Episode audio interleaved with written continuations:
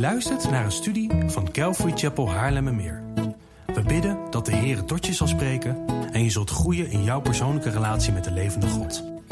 Bezoek voor meer informatie onze website calvarychapel.nl. Dat is C-A-L-V-A-R-Y-C-H-A-P-E-L.nl.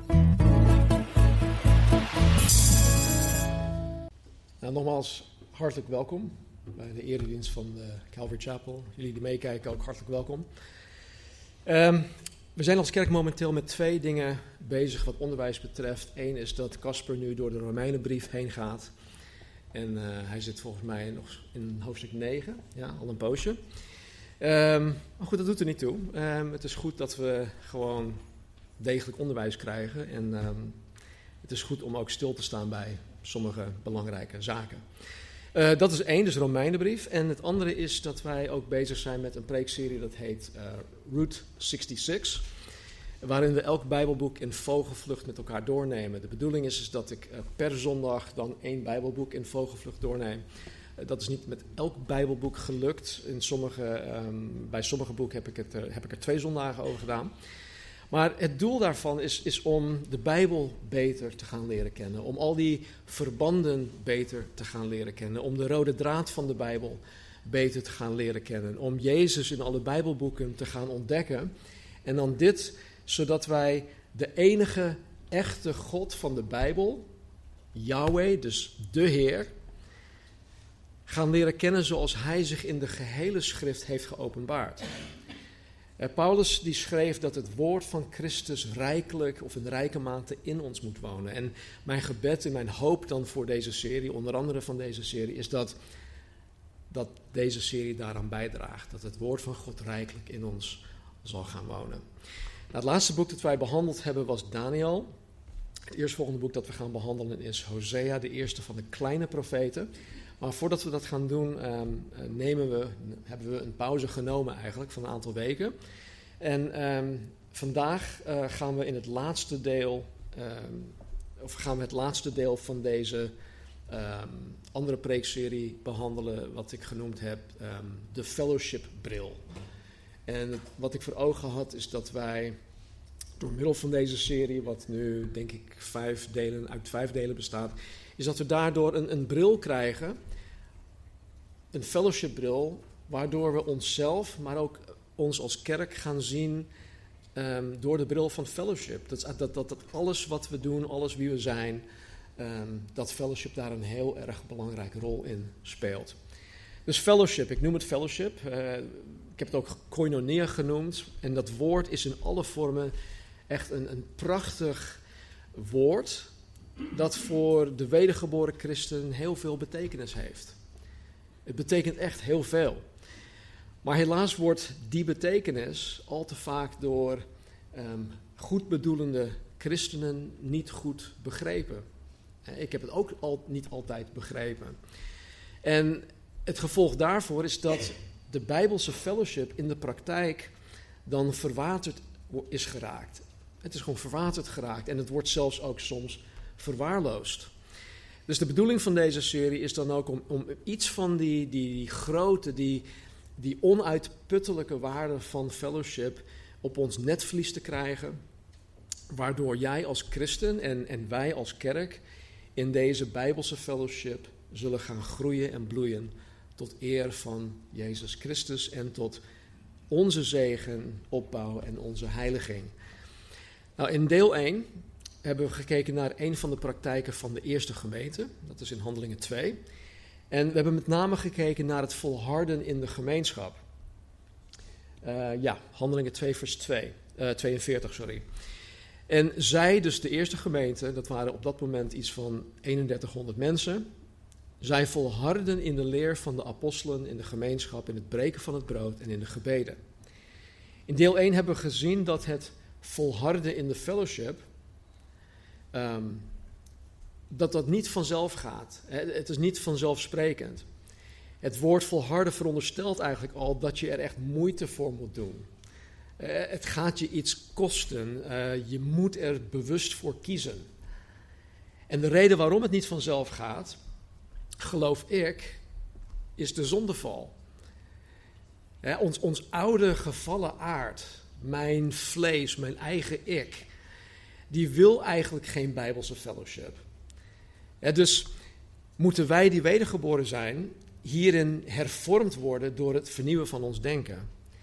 En het is dus ook zo dat wanneer er in een plaatselijke kerk of gemeente uh, geen bijbelse fellowship plaatsvindt en het niet door middel van het onderwijs um, aangespoord of gestimuleerd wordt, het hoogstwaarschijnlijk te maken heeft met ons zondige natuur die wij nog altijd met ons meedragen. En als wij er dus niet in onderwezen worden, en als het niet onderling gestimuleerd wordt, dan zullen we vrijwel altijd in onze um, default modus blijven. En dat is gewoon zonde. zonde, snap. Nou, ik ga vandaag niet teruggrijpen op alle. Um, uh, op wat we in de vorige delen hebben gezegd, zoals ik het wel voor, voorheen heb gedaan. Uh, want anders snoep ik heel veel tijd uh, weg van het onderwerp van vandaag. Maar wat er in de eerste vier um, delen onderwezen werd, ik zeg bewust onderwezen werd, ik zeg niet dat wat wij geleerd hebben, want misschien hebben jullie dat niet geleerd. Nee, maar wat er in de eerste vier delen onderwezen werd, was op sommige vlakken, vind ik, en misschien jullie ook, best wel confronterend. Het was niet altijd, hé, hey, het voelt echt lekker, dit, deze boodschap. Weet je, het was best wel confronterend. Dus ik kan me voorstellen dat deze serie misschien wel wat vragen of tegenwerpingen kan oproepen. Dus om die eventuele uh, vragen en of tegenwerpingen niet onbeantwoord, onbeantwoord te laten, um, gaan we vanmorgen kijken naar een aantal mogelijke vragen en een aantal mogelijke tegenwerpingen die ik heb genoemd de ja-maars. ja maar. Um, en kijk, mocht je vragen of bezwaren hebben die niet aan bod komen vandaag, schroom alsjeblieft niet om naar mij toe te komen. Um, dus we gaan er meteen in. Het, is geen samenhangend uh, verhaal. Het, ik pak echt nu een aantal losse vraagstukken. En dan gaan we samen door de tekst heen om die vraagstukken um, hopelijk naar tevredenheid te beantwoorden. Dus één mogelijke vraag. Eén mogelijke vraag is dit. Wat is het allereerste dat God van mij verwacht met betrekking tot fellowship? Wat is het allereerste dat God van mij verwacht, of sterker nog, wat is het allereerste dat God van mij vereist met betrekking tot fellowship? Nou, nogmaals, Handelingen 2, vers 42. Zij volharden in de leer van de apostelen, in de gemeenschap, in het breken van het brood en in de gebeden. Het allereerste en het allerminst dat God van jou en mij vereist met betrekking tot fellowship, is dat wij volharden in de fellowship. Zo simpel ligt dat. We kunnen nu naar huis. Nee, maar zo simpel is dat, hè? Hij vereist, het allerminst, het allereerste is dat hij van ons vereist dat wij volharden in de fellowship. En, en hoe dit er, praktisch uitziet, is dat je op zijn allerminst, ik ga nu dingen zeggen waarvan je denkt van, kom op Stan, meen je dat nou echt? Maar dat je op zijn allerminst zondags de eredienst bijwoont. Jullie zitten hier, I'm preaching to the choir. Weet je, dus, maar dat is wel iets waarin je kan volharden in de fellowship. Dat je hier op zijn allerminst zondags bij bent. Volharden in de fellowship begint bij het lijfelijk aanwezig zijn wanneer zijn kerk, niet onze kerk, niet mijn kerk, maar zijn kerk, wanneer die kerk samenkomt. En dit, dit is geen hogere wiskunde. Dit is gewoon heel eenvoudig. Dus wees er structureel gewoon bij. Ik wil geen schuldgevoelens op jullie leggen die nu lekker op jullie bank zitten uh, met jullie laptops open. Maar wees er gewoon structureel bij. Na de opstanding van Jezus, dit is echt zo mooi. Na de opstanding van Jezus verscheen Jezus aan de tien discipelen. Waarom niet de twaalf? Nou, van de twaalf discipelen viel Judas af. En Thomas, de ongelovige Thomas, zoals hij bekend staat. Ik zou, die, uh, ja, ik zou die reputatie niet willen hebben. Maar goed, hij is vereeuwigd als de ongelovige Thomas. Hij was er op het moment dat Jezus verscheen niet bij. Hij was er niet bij. En bij deze ontmoeting ontvingen de tien, de tien discipelen iets zeer belangrijk van Jezus. En omdat Thomas er niet bij was, heeft Thomas deze belangrijke ontmoeting met Jezus gemist. Hij heeft het gemist. Lees een keer voor jezelf Johannes hoofdstuk 20 vanaf vers 19. En dan staat er, na deze gebeurtenis staat er dit. En Thomas, een van de twaalf, Didymus genoemd, was niet bij hen toen Jezus daar kwam. En de andere discipelen dan zeiden tegen hem, dus tegen Thomas, wij hebben de Heere gezien, maar hij zei tegen hen, als ik in zijn handen niet het litteken van de spijkers zie, en mijn vinger niet steek in het litteken van de spijkers, en mijn hand niet steek in zijn zij, zal ik beslist niet geloven. De woorden van Thomas. Om het simpele feit dat Thomas er niet bij was, hè, toen Jezus zichzelf in de samenkomst van de discipelen openbaarde, had Thomas iets waardevol gemist. Hij had iets waardevol gemist. En het gevolg daarvan was dat het ten koste ging van zijn geloof. Het ging ten koste van zijn geloof. Dus wees alsjeblieft geen Thomas en zorg ervoor dat je erbij bent. Vooral jullie daar. Het volharden in de fellowship begint dus bij het lijfelijk aanwezig zijn wanneer zijn kerk plenair samenkomt. Maar per definitie betekent het dat wanneer je er bent, je niet passief bent. of er alleen maar bent om te consumeren, om gediend te worden. Kijk, ik begrijp heel goed dat als je in een fase zit waarin je eigenlijk alleen maar even tot rust wil komen, zo so be it. Ik, we gunnen je alle rust, je mag hier komen, je mag hier passief zijn als je dat wil. Kom alsjeblieft tot rust. Maar als God jou eenmaal die rust heeft gegeven, als je eenmaal je draai hebt gevonden, blijf alsjeblieft niet passief en heb niet een houding van ik ben hier om te consumeren. Want zoals elk levenscel in ons lichaam actief is in het dienen van het lichaam, hoort ook elk lid van zijn lichaam actief bezig te zijn.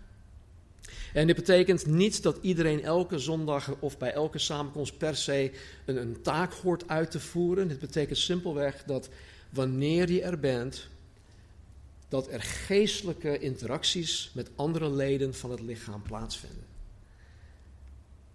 Praat met elkaar. Heb het over dingen die ertoe doen. Niet over het weer, niet over het werk of vakantie of voetbal of wat dan ook. Praat over dingen met elkaar die ertoe doen.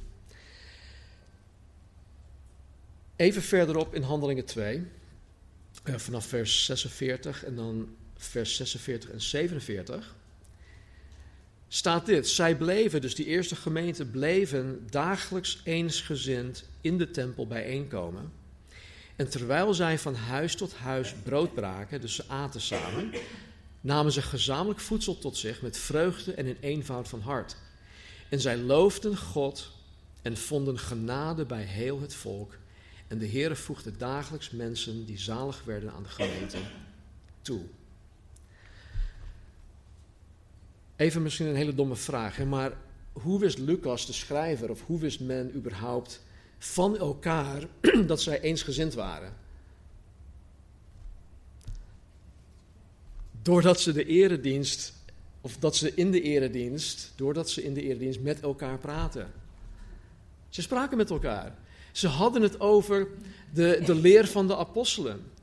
Over het woord van God. Ze praten met elkaar over de preek van Petrus. Ze praten met elkaar over, noem maar op. Maar ze praten met elkaar over de dingen die ertoe doen. Dus hoe wisten zij van elkaar, hoe wist de schrijver Lucas dat zij ehm, eensgezind waren. Ja, door te praten over deze dingen. En, en hoe kan het dan dat zij bij elkaar thuis fellowship hadden? Dat zij samen aten en God loofden? Was het zo dat Jezus, die, die verscheen ineens ze waren ergens en poem, daar komt Jezus. En dat ineens, poef, uh, jullie zitten samen in, in een ruimte. Nee, het ging niet zo. Zij kwamen bij elkaar thuis doordat zij in de eredienst met elkaar praten. Door interesse in elkaar te tonen. Door zichzelf aan de ander open te durven stellen. Door met elkaar af te spreken buiten de vaste tijden van de samenkomsten om. En kijk, hoe praktisch dit soort interacties ook zijn, het zijn tegelijkertijd geestelijke zaken. Het is niet alleen maar praktisch, het is ook echt geestelijk. Want wanneer Christus centraal in je leven staat, en wanneer je dan ehm, samenkomt met iemand anders die Christus centraal heeft staan, dan heb je fellowship met elkaar. En dat is een geestelijke zaak. Ik krijg, ik krijg regelmatig te horen dat ehm, die en die iemand op de zondag sprak en dat daaruit een afspraak voortkwam. Er gebeurt best wel wat fellowship in deze gemeente zonder mijn weet. Ik bemoei me daar ook niet mee. Ik vind het gewoon prachtig om te zien dat jullie dit met elkaar doen. Het is echt mooi. Ik krijg ook te horen dat die en die erg bewogen is met iemand die, die hij of zij op een zondag dan heeft gesproken. En, en daardoor voor die persoon in de bres staat in gebed. Weet je, dit zijn geestelijke zaken. Begint misschien heel praktisch. Door dit te doen. Hi, ik ben Stan. Doe dat gewoon. Praat vandaag ook met iemand waarmee je nog nooit eerder hebt gesproken. Maak desnoods een selfie van elkaar. Weet je, doe gewoon iets om contact met iemand te krijgen. En kijk, al, al dit soort geestelijke interacties kunnen alleen plaatsvinden als je je niet passief of consumerend of zelfs egoïstisch opstelt. Maar juist wanneer je oog hebt voor de ander. Marnie, mevrouw, weet nooit van tevoren waar mijn preek over gaat. Ze wil gewoon zitten en het tot zich nemen zoals, als, ja, als, zoals bij jullie. Maar afgelopen maandag ehm, werd onze doberman, Ziva, geopereerd. En we waren er al in de week mee bezig, de week daarvoor. We waren er zondagavond ook al mee bezig. En we waren die ochtend op maandag uh, om half negen al bij de dierenarts. En we kwamen zo rond een half, half één of zo kwamen we met Siva thuis. En vanwege de operatie moest, moest nu extra goed voor Siva gezorgd worden. En vooral Marnie, ik ook wel, maar vooral Marnie was zo op de zorg van haar geliefde Ziva gericht, dat zij zich niet op haar eigen verdriet en op haar eigen gemis van haar overleden vader focuste. Ja, want die bewuste dag, dat was afgelopen maandag, was dan ook de dag dat haar vader x aantal jaar geleden overleed. Dat hij de heerlijkheid inging. Hij is bij Jezus, maar het is tot op de dag vandaag nog een heel groot gemis. Ik kan niet tippen aan die man. Weet je, ze vergelijkt me ook nooit van, joh, jij, jij moet zijn als mijn vader. Maar ik weet gewoon dat hij het model is waaraan ze alle andere mannen meet. En uh, ja, ik val, ik, val, ik schiet daarin gewoon tekort. Maar zoveel houdt ze dus van die man en zij mist hem enorm. Maar omdat Marnie dus niet met zichzelf in haar eigen verdriet bezig was en haar focus dus verlegde op de zorg van Ziva, werd zij niet door haar verdriet bepaald. Het hield haar dus niet bezig. En zij was gefocust bezig om het doel te bereiken met onze hond. Kijk, ik, ik geef dit voorbeeld aan. En dus natuurlijk, dit gaat dit doet niet. ehm, hoe zeg je dat? Ehm, ja, het weegt niet op tegen. Maar anyway, ik geef dit voorbeeld aan eh, omdat Jezus ook niet naar de aarde toe was gekomen om passief of consumerend of egoïstisch te zijn. Of met zichzelf bezig te zijn. Nee, hij kwam voor de ander, hij kwam voor jou en hij kwam voor mij. En daardoor heeft God, of heeft hij Gods doel bereikt. En ook wij kunnen Gods doel, geloof ik, voor fellowship bereiken wanneer wij actief gericht zijn op de ander. Begrijp me niet verkeerd, hè? we hebben allemaal ook zelf bediening en fellowship en, troost en een arm om ons heen nodig. Dat staat buiten kijf, dat, dat, dat bedoel ik niet. Maar het mag nooit zo zijn dat ik alleen maar zo met mezelf bezig ben dat ik niets van, van waarde ben voor een ander. En het is juist, het is heel frappant, maar het is juist wanneer wij ons op anderen richten, dat dit veel minder erg is of wordt. In Johannes 15 staat dit. Jezus spreekt hier. Hij zegt: Dit is mijn gebod. Dat u elkaar lief hebt, zoals ik u lief gehad heb. Niemand heeft een grotere liefde dan deze, namelijk dat iemand zijn leven geeft voor zijn vrienden. En Jezus heeft zijn leven gegeven voor jou en voor mij. Zo heeft Hij ons lief gehad. En kijk naar wat voor effect dit op ons moet hebben, wij die wedergeboren zijn. In 1 Johannes 3, vers 16 staat dit. Wat liefde is, hebben wij geleerd van Jezus. Hij heeft zijn leven voor ons gegeven. Dus zijn ook wij verplicht ons leven te geven voor onze broeders en ook onze zusters. Snap je dus? Wij kunnen niet zeggen: ik volg Jezus na en dit niet zijn en dit niet doen. En als deze waarheid in onze harten leeft, dan wil je volharden. Dan moet het niet. Het is niet omdat ik het hier zeg.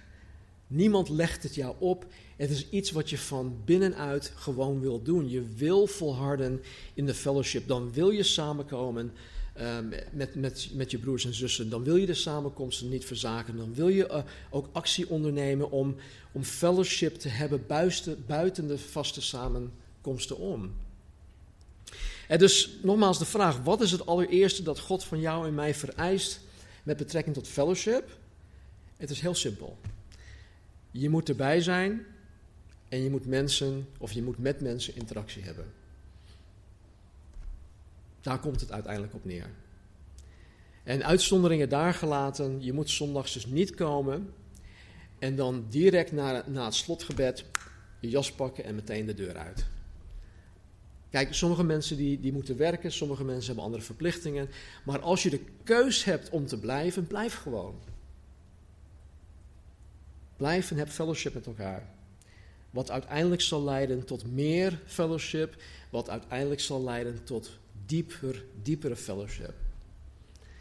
Nou, nog een mogelijke vraag. Hoe vaak in de week is fellowship noodzakelijk? Hoe vaak moeten we fellowship hebben? Ik ga nog even terug naar eh, wat we zo even al hadden gelezen. En zij bleven dagelijks eensgezind in de tempel bijeenkomen. En terwijl zij van huis tot huis brood braken, namen zij gezamenlijk voedsel tot zich, met vreugde en in eenvoud van hart. En zij loofden God en vonden genade bij heel het volk. En de Heere voegde dagelijks mensen die zalig werden aan de gemeente toe.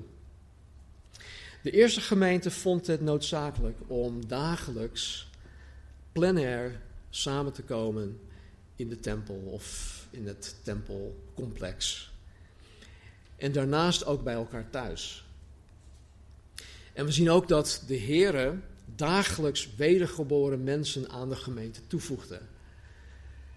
En, nu weten we dat de, de, uh, de frequentie van het samenkomen in dit schriftgedeelte, wat we net hebben gelezen, uniek is. Het was uniek vanwege ehm, de redenen die ik in, volgens mij in deel 1 heb genoemd. Ehm, dus daar ga ik nu niet op in. Maar hoe dan ook, we zien hierin wel het, het diep verlangen van de mensen om samen te komen. Zij wilden samenkomen. En na verloop van tijd zien wij in handelingen en ook in de brieven van, van onder andere Paulus dat de discipelen structureel op de zondagen plenair samenkwamen. En dit heeft waarschijnlijk te maken met het feit dat Jezus op de zondagmorgen uit de dood was opgestaan. Johannes noemt het in uh, Openbaring 1, vers 10, denk ik, uit mijn hoofd. Um, de dag van de Here. En dat moet je dan niet um, verwarren met de dag van de Here, wat in het Oude Testament staat, maar in het Engels staat er gewoon de Lord's Day. Zijn dag. Het is zijn dag. Toen Jezus in Johannes 20, dat stukje wat we net hebben gelezen, die uh, samenkomst die Thomas had gemist. En toen Jezus in Johannes 20 aan de, aan de tien discipelen verscheen, waren zij ook op de zondag samengekomen. En nogmaals, heel jammer voor Thomas dat hij er niet bij was. Want hij, heeft, hij had wat gemist. Dus hoe vaak in de week is fellowship noodzakelijk? Nou, als ik de Bijbel goed begrijp, dan is het op zijn allerminst elke zondag. Maar, maar, als wij de grote opdracht van Jezus Christus willen vervullen, en dat moeten wij en dat moeten wij ook willen, het maken van discipelen die discipelen maken die discipelen maken, dan is het bijwonen van de eredienst op de zondagen gewoon niet genoeg. Jullie weten zelf dat jullie heel lang naar mij zitten te luisteren. En dan vervolgens uh, gaan we koffie drinken met elkaar. Er geweldige gesprekken. Maar het is gewoon niet genoeg. Dat uurtje na de, de, het, formele, eh, het formeel gedeelte is gewoon te kort. En als wij het um, voornaamste gebod willen gehoorzamen, en dat moeten wij, dat moeten wij ook willen, God lief hebben met heel ons hart, ziel, kracht en verstand, en ons naaste lief hebben als onszelf, oftewel elkaar lief hebben zoals Christus ons lief heeft, dan is het bijwonen van de eredienst op de zondagen ook niet genoeg. En als wij alle elkaar en elkander verzen in de Bijbel willen naleven, en dat moeten wij, dat moeten wij ook willen, dan is het bijwonen van de eredienst op de zondagen gewoon niet voldoende. Het is niet genoeg. Vandaar dat de eerste gemeente ook zo vaak samenkwam, plenair op het tempelplein, maar ook bij elkaar thuis. Dus nogmaals, hoe vaak in de week is fellowship noodzakelijk? Nou, ik denk op zijn allerminst structureel elke zondag. En ik durf te zeggen op één door de weekse dag of avond. En zoals wij dat hier doen in de fellowshipgroepen. Eh, misschien had ik het al eerder gezegd, hè, maar voorheen hadden we iets van twaalf mensen gemiddeld die door de week samenkwamen in een fysieke fellowshipgroep hier in Nivenep. We hebben nu een paar maanden zitten stoeien met het uh, herindelen van wat groepen online en ook fysiek. En ik geloof dat we nu uh, aan de 60 mensen zitten of zo. Weet je, het is, het is echt, is dat vervijfvoudigd? Ja, 12 maal 5, ja, 60, ja. Dus het is gewoon mooi om te zien dat, dat, dat dit nu tot stand is gekomen. En dat hebben wij niet verzonnen. Dit is gewoon gebeurd. Mede door de coronacrisis. Nou, we, kunnen het eigenlijk zo zien. Hè. Ik, ik, hoop niet dat ik heel, heel veel druk op jullie leg, maar we, we kunnen het zo zien. Op zondag leer je iemands gezicht en misschien ook iemands naam kennen. Ik hoor zo vaak van mensen: Oh, ik ben zo slecht in naam. Hoe heet die ook alweer? Ik vind het belangrijk om de namen van mensen te kennen. En ik weet dat ik daarin soms tekort schiet, maar ik, ik doe echt mijn best. Um, als, als Jezus, als de goede herder, iemands naam kent, wie ben ik dan als zijn kind om jullie namen niet te kennen? Weet je, dus op zondag leer je iemands gezicht en naam kennen. In de fellowshipgroep leer je hopelijk de persoon achter het gezicht en achter de naam kennen. Daar ga je de persoon leren kennen. En wat dan daaruit voortvloeit, zijn afspraken. afspraken die je dan met mensen gaat maken. dat, je gaat, dat je samen gaat, met elkaar gaat optrekken, dat je samen gaat eten, dat je misschien samen dingetjes buitenshuis gaat doen. Ik hoorde bijvoorbeeld uh, afgelopen dinsdag dat uh, vier gezinnen of vier huishoudens afgelopen zondag na de dienst samen met hun kids en zo naar, naar het strand toe gingen. Dat gebeurt niet zomaar. Dat gebeurt door met elkaar te praten en door met elkaar de moeite te nemen om die afspraken te maken. Dus dat, dat, dat ontstaat. En, en, en dan leer je elkaar pas echt goed kennen, waardoor um, het volgende eigenlijk op een hele natuurlijke wijze plaats kan vinden. En dat is dit. Laten wij op elkaar letten. Dat, dat kan eigenlijk alleen in, een, in kleine groepen. Ik zou heel graag met jullie allen een hele intieme band hebben, maar dat, dat is menselijk gewoon niet mogelijk. Ik heb een intieme band met een, ja, een handjevol mensen en eh, zo, zo is dat nou eenmaal. Maar laten we op elkaar letten. door elkaar aan te vuren tot liefde en goede werken. En dat gebeurt op een hele natuurlijke wijze wanneer je mensen leert kennen. Laten we de onderlinge bijeenkomst niet nalaten zoals het bij sommigen de gewoonte is. Jullie.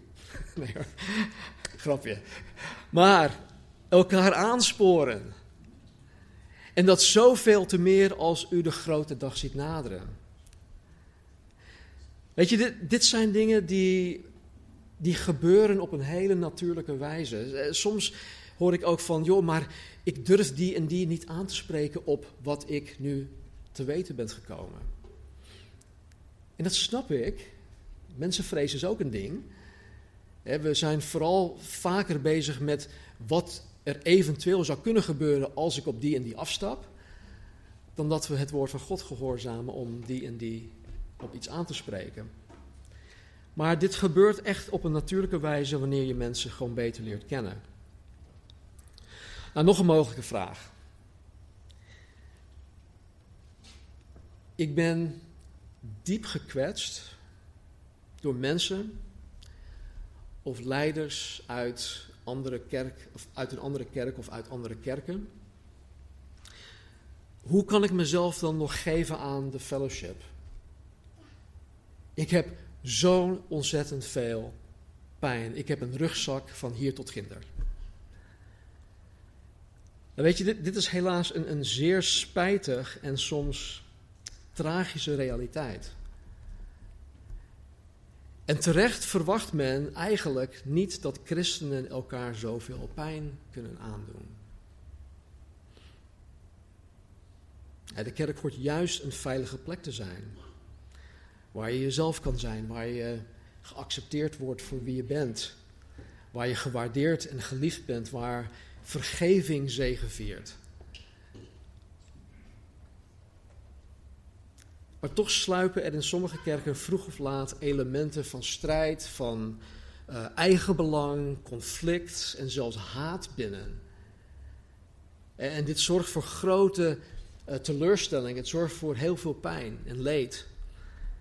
En dan is het de vraag hoe je nog ooit over die teleurstelling en pijn heen kan komen.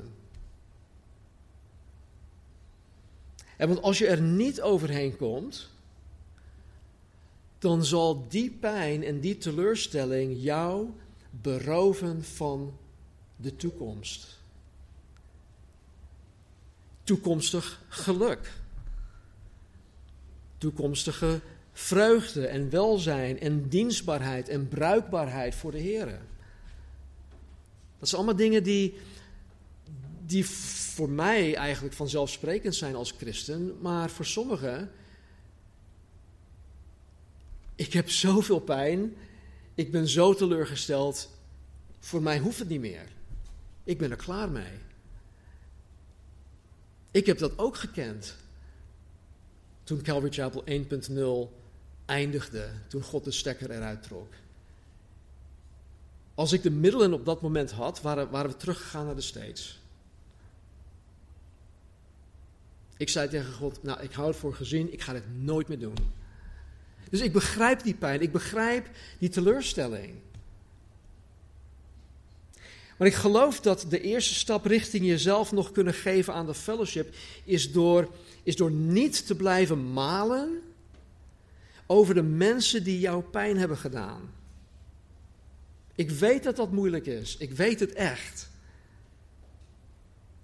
Maar daarentegen moet je je pijn, je teleurstelling, je boosheid, je verdriet, je angst, je gevoel van afwijzing, verlies en eventueel neiging tot wraak, die dingen moet je in het licht van Gods woord gaan zien.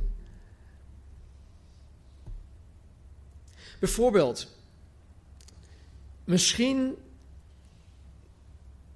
voert de woede, je boosheid de boventoon in, in dit alles. Dat heb ik ook gekend. En maar je bent eigenlijk boos en dat, dat, dan moet je echt de Heeren vragen, Heer, waarom ben ik eigenlijk boos? En ik noem maar één voorbeeld. Misschien ben je boos omdat je je afgewezen voelt. Dat kan. En misschien ben je je hele leven al door mensen, je ouders, familie, schoolgenoten, wie dan ook, afgewezen. En nu kom je in een kerk terecht en je denkt, nou, halleluja, prijs de Heer, dit is Gods koninkrijk. Nu gaat het anders en boem, je wordt afgewezen.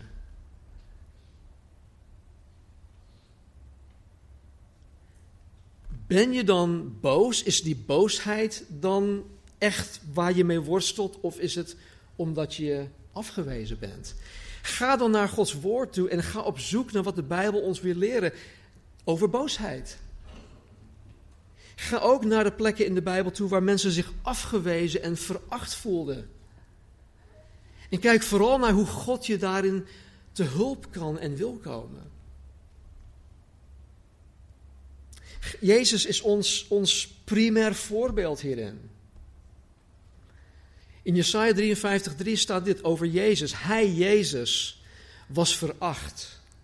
De onwaardigste onder de mensen, een man van smarten, bekend met ziekte en als iemand voor wie men het gezicht verbergt. Hij was veracht en wij hebben hem niet geacht. Jezus wist als geen ander wat het was en is om afgewezen en veracht te zijn. En wij, wij kunnen dus van Hem leren hoe ermee om te gaan. Hoe Gods hulp ermee te krijgen. Hoe er overheen te kunnen komen. Hoe verder te kunnen gaan in de fellowship. Lees dan de evangeliën. En kijk waarmee Jezus allemaal te maken kreeg. In Psalm 34 staat ook iets moois. Psalm 34, vers 16 en dan 18 tot 20. De ogen van de Heere rusten op de rechtvaardigen. Zijn oren zijn gericht op hun hulpgeroep. En als je wedergeboren bent, dan ben je een rechtvaardige. Zij roepen en de Heere hoort. Hij redt hen uit al hun benauwdheden. De Heere is nabij de gebrokenen van hart. Hij verlost de verbrijzelden van geest. De rechtvaardige heeft veel ellende, maar uit dat alles redt de Heere hem of haar. Kijk, als, als wij ons op, op deze keiharde waarheid focussen, in plaats van op die persoon of op die mensen die ons hebben afgewezen, dan, dan verleggen wij de focus van iets dat ons alleen maar sloopt en ons alleen maar wil beroven. Dan verleggen wij de focus van dat tot waartoe God in staat is en waartoe God bereid is. Hij wil het, hij kan het. Het staat er. En zo is het gezond en bevrijdend om, om zo met al onze emoties naar het woord van God toe te gaan, zodat Hij als de wonderlijke raadsman ons kan counselen tot volledig herstel. Hij is onze heelmeester. En dat geldt niet per se voor mijn lichaam, het geldt vooral voor mijn ziel. Mijn geest. En omdat wij het levend woord, Jezus Christus en het geschreven woord tot ons, onze beschikking hebben, is het niet nodig is het niet nodig per se om doorverwezen te worden naar de professionals. Maar het gaat om deze zaken. God en zijn woord is toereikend. Dus hoe kan je jezelf nog geven aan de fellowship als je dusdanig gekwetst bent? Ik geloof dat God jou hierbij wil en kan helpen als jij biddend, als jij je biddend onderwerpt aan de helende raad van Gods woord. God is echt bij machten. En hij wil het. En hoe jouw herstel en heling tot stand komt, is grotendeels, niet alleen, maar grotendeels door middel van fellowship. Of je dat nu wil geloven of niet, het is echt zo. En dan bedoel ik niet per se in, in grote getalen, maar misschien alleen één op één. En met iemand. Het is dus van essentieel belang dat je je niet onttrekt van de fellowship. Want fellowship is juist datgene dat je kan helpen, helen en herstellen. Nog een mogelijke vraag, de laatste. Weet je, ik, ik kom pas kijken. Ik voel me onbekwaam. Ik ben onzeker over mezelf en over mijn relatie met God. Ik, ik, twijfel soms nog over mijn redding. Wat heb ik een ander dan te bieden voor wat betreft de fellowship? Deze gedachtegang en dit gevoel komen niet van God. Laat dat duidelijk zijn. En vaak gaat deze gedachtegang gepaard met de vraag: ja, maar wie ben ik eigenlijk? Wie ben ik? Of ik, ik heb nog zoveel zonde in mijn leven en jullie zijn allemaal zulke brave, goede christenen. Ik voldoe niet aan de norm en ik, ik voel me echt niet op mijn gemak. Dus wat heb ik in de fellowship te zoeken? Of sterker nog, wat heb ik te bieden? Wat heb ik de fellowship nou te bieden? De psalmist schreef in Psalm 139, 17 en 18 dit. Hoe kostbaar zijn mij uw gedachten, o God? Hoe machtig groot is hun aantal? Zou ik ze tellen? Ze zijn talrijker dan korrels zand. Ontwaak ik, dan ben ik nog bij u. Nou, de Hebreeuwse constructie maakt deze vers een beetje lastig om het precies te vertalen. Maar meerdere Engelse vertalingen laten zien dat Gods gedachten over de schrijver kostbaar zijn. Dus niet dat Gods gedachten überhaupt kostbaar zijn, wat, wat ze ook zijn, maar per se dat Gods gedachten over de schrijver kostbaar zijn en ook talrijk zijn. He, dus zelfs in zijn slaap en wanneer hij wakker wordt, denkt God aan hem. Wij zijn zelf zo ego-gericht, egoïstisch, dat sommigen misschien van ons wakker worden en denken van, hoe ik vraag me af wat Stem van me denkt.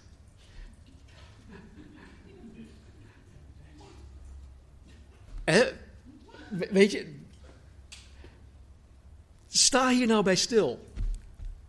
God denkt aan jou. God heeft goede gedachten over jou. Ze zijn talrijk. Wanneer je slaapt, wanneer je wakker wordt, denkt Hij aan jou. Zo belangrijk ben jij voor God.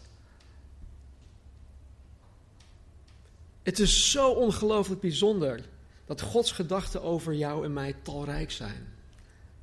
En dat Hij dag en nacht aan ons denkt. En misschien denk je, oké, maar wat voor gedachten dan? In Jeremia 29, 12 staat, of sorry, 11 staat, ik immers, God, ik ken de gedachten die ik over u koester, spreekt de Heer. Het zijn gedachten van vrede en niet van kwaad, namelijk om u toekomst en hoop te geven. Kijk, God spreekt hier direct tegen Juda die in ballingschap zat of zou komen. Maar als wedergeboren christen geldt dit ook voor jou en mij. God is niet anders richting hè, voor wat zijn, wat zijn kinderen betreft, richting Juda en, en ons. Dus Gods gedachten over jou en jegens jou zijn gedachten van vrede en niet van kwaad. Het zijn goede gedachten die God over ons heeft. God is niet boos op jou. Hij heeft goede gedachten. Psalm 147, 11. De Heer is goed gezind voor wie hem vrezen en op zijn goedertierenheid hopen. In een andere vertaling staat dat God zelfs dolblij met jou is. God is dolblij met ons. In 1 Samuel 16, toen de profeet Samuel naar het huis van Isaï moest om de volgende koning aan te wijzen, wees hij niet de andere aan waarvan hij zelf dacht, nou, dit is zeker de koning. Nou, alle zonen ehm, kwamen langs en hij niet, hij niet, hij niet, hij niet. Dan heb je nog een andere zoon, ja, David. Hij is het. En dan staat er, waar mensen naar kijken is niet belangrijk. En mensen kijken immers naar het uiterlijk, maar ik kijk naar het hart. Dus als je zoiets hebt van jezelf, van joh, maar wie ben ik dan? Dan kijk jij zo naar jezelf. Maar God ziet jou anders. En misschien denk je wel van, ja, maar zo zien, men, zo zien de andere mensen mij ook. Dat doet er niet toe, want God ziet jou anders. En wat God van jou vindt is belangrijk. Niet wat mensen van jou vinden. Ik sta hier ook niet elke zondag om, om leuk gevonden te worden. Ik weet of jullie dat inmiddels al doorhebben. en maar, ja, weet je, dus God kijkt naar het hart. En alleen God kent jouw hart. Hij kent het door en door. En, en ik, ja, enerzijds kan dat angstaanjagend zijn. Anderzijds kan het ook heel erg geruststellend zijn. Het hangt er maar net af van wat jij in je hart verbergt. Maar als je oprecht bent naar God toe en ook naar zijn kerk toe, dan hoef je je niet te meten aan wat mensen van jou denken. of wat jij over jezelf denkt, wat ik net zei. God kent jou. En God koestert goede gedachten over jou. God is dolblij met jou en er is dus geen reden om negatief over jezelf te denken. Die gedachte van, ja, maar wie ben ik dan? Hoe onwaarschijnlijk dat ook lijkt, is dat ook een vorm van trots. Ja, maar wie ben ik dan? Trots is eigenlijk iets hoeft niet altijd te zijn van, hé, hey, kijk mij. Nee, het is als je met jezelf altijd bezig bent, dan is dat ook een vorm van trots. En als je ja, een, een soort van minderwaardigheidscomplex hebt en dat je dan um, ja, daardoor beperkt wordt, dat je daar altijd mee bezig bent van, ja, maar ik, ik, ik, ik, ik, ik. Wie staat daar dan centraal? Ik. En, en God wil jou daar juist uit helpen. Daarom is het belangrijk om te zien hoe hij jou ziet. Peters, um, 1 Petrus 5 vers 7 zegt, werp al uw zorgen op hem. Werp al je zorgen op God, want hij zorgt voor u. God zorgt voor jou en voor mij omdat hij onvoorwaardelijk van ons houdt. En als ik zie hoe God Marnie bijvoorbeeld, of als ik zie hoe goed ja, Marnie bijvoorbeeld voor Ziva zorgde, onze doberman, dan zie ik dat, dat zij dit uit liefde voor haar doet.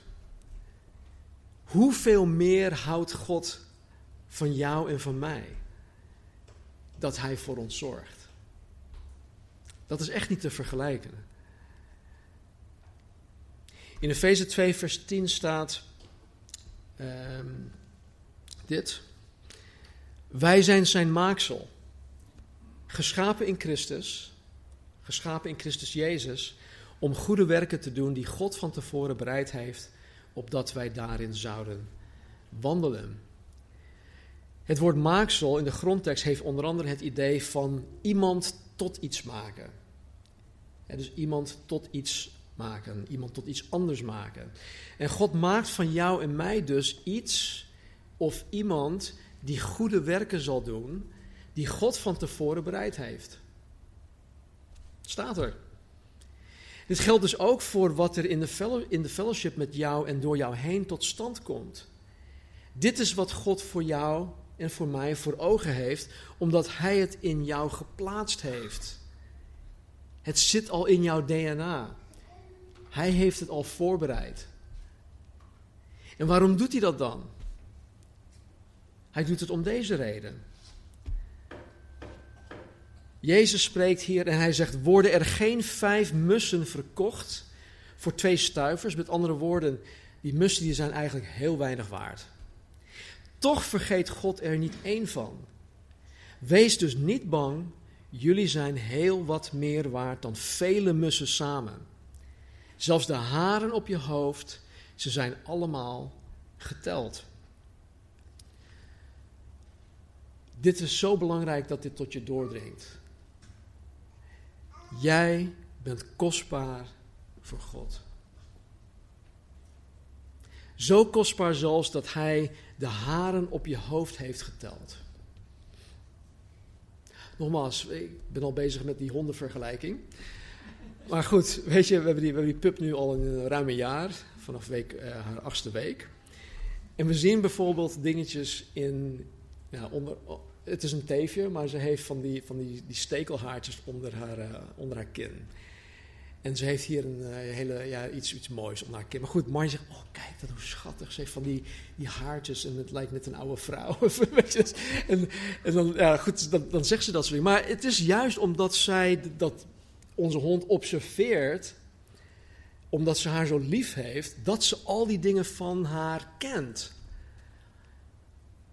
hoe zij blaft, hoe zij huilt en, en dat soort dingen. Dat zijn allemaal andere dingen, maar voor een vreemde, die denkt van, oh, een, gemene doberman. Nee, uh, Marnie weet precies hoe die hond in elkaar zit. En dat is dan ook weer met, met God. Hij telt zelfs de haren op ons hoofd. Zo goed kent hij, zo belangrijk zijn wij voor God. Jullie die pasgeboren kinderen hebben of hebben gehad, ik weet uit ervaring dat jullie soms urenlang naar het kind hebben gekeken. Waarom? ik, zie, ik, zie dan net, je hebt, je, hebt, je hebt toch net zijn haren niet geteld.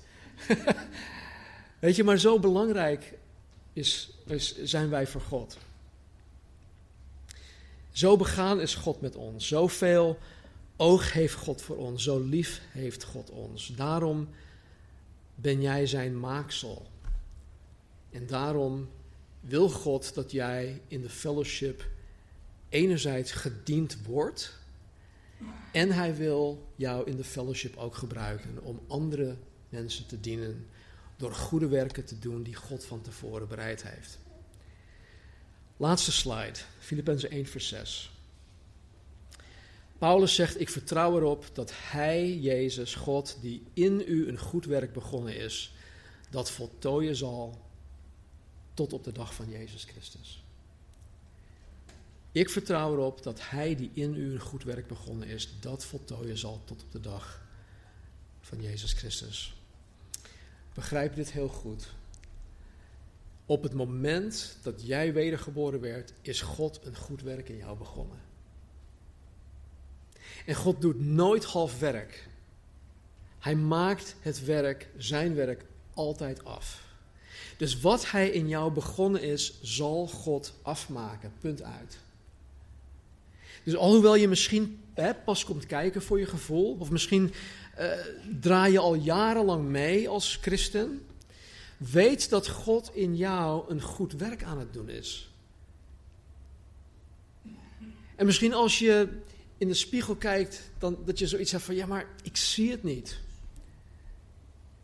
Ik sprak vanmorgen iemand die vrij recentelijk bij ons is gekomen.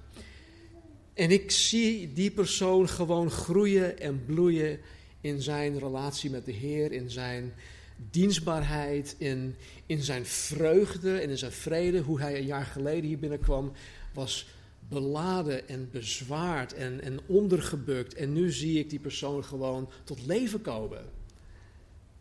En weet je wat hij tegen me vanmorgen zei? Hij zegt: we hebben eigenlijk helemaal niets bijzonders gedaan. Ik ben alleen maar gekomen. Yes? Ik ben alleen maar gekomen. Valt het kwartje? Volharden. En kijk wat er met die ene persoon is gebeurd. Hij is een goed werk begonnen en hij is een goed werk aan het doen.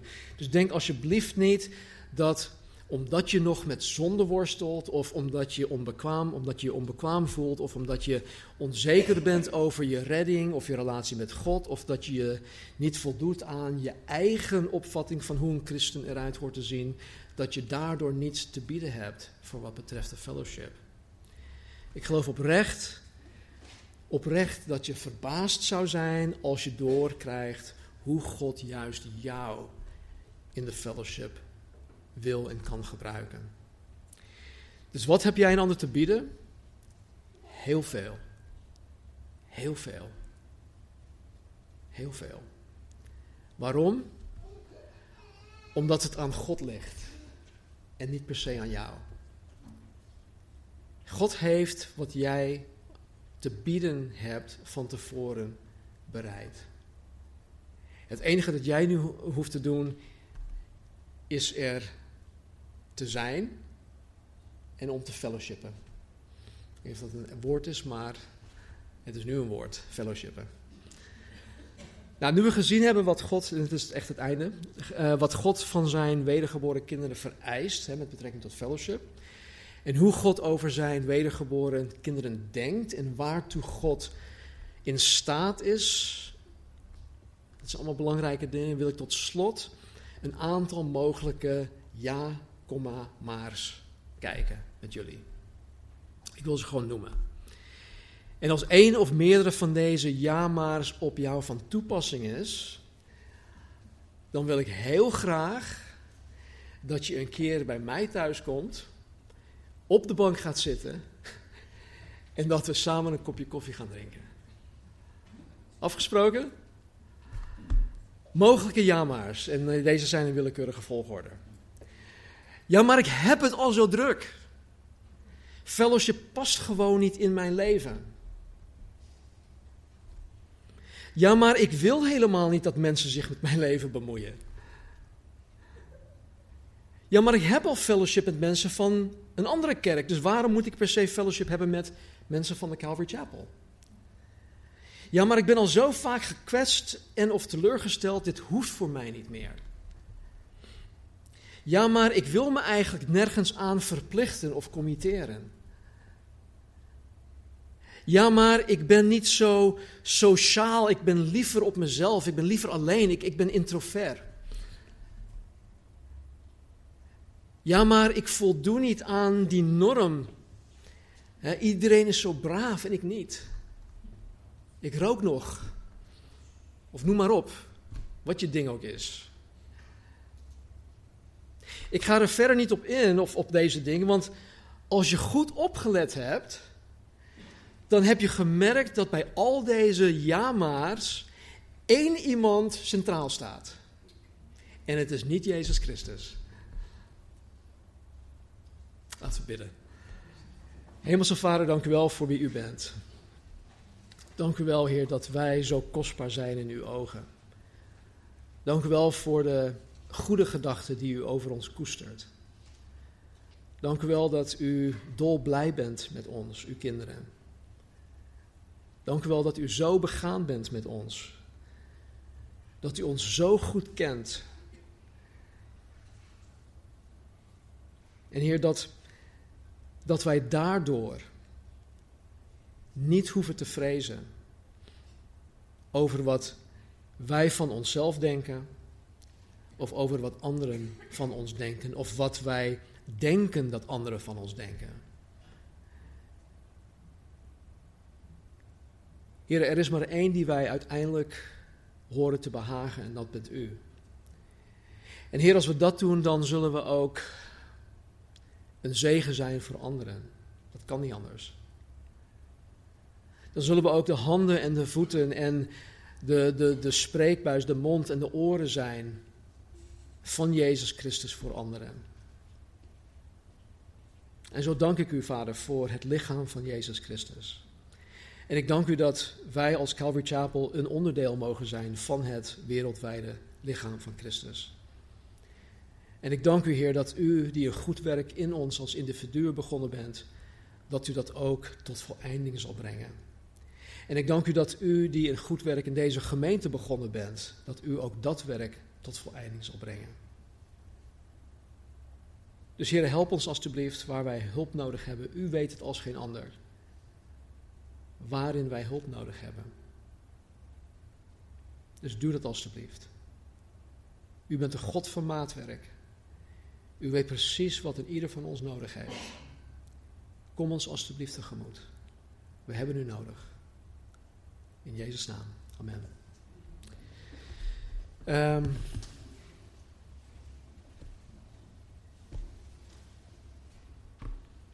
Eén slotlied dan.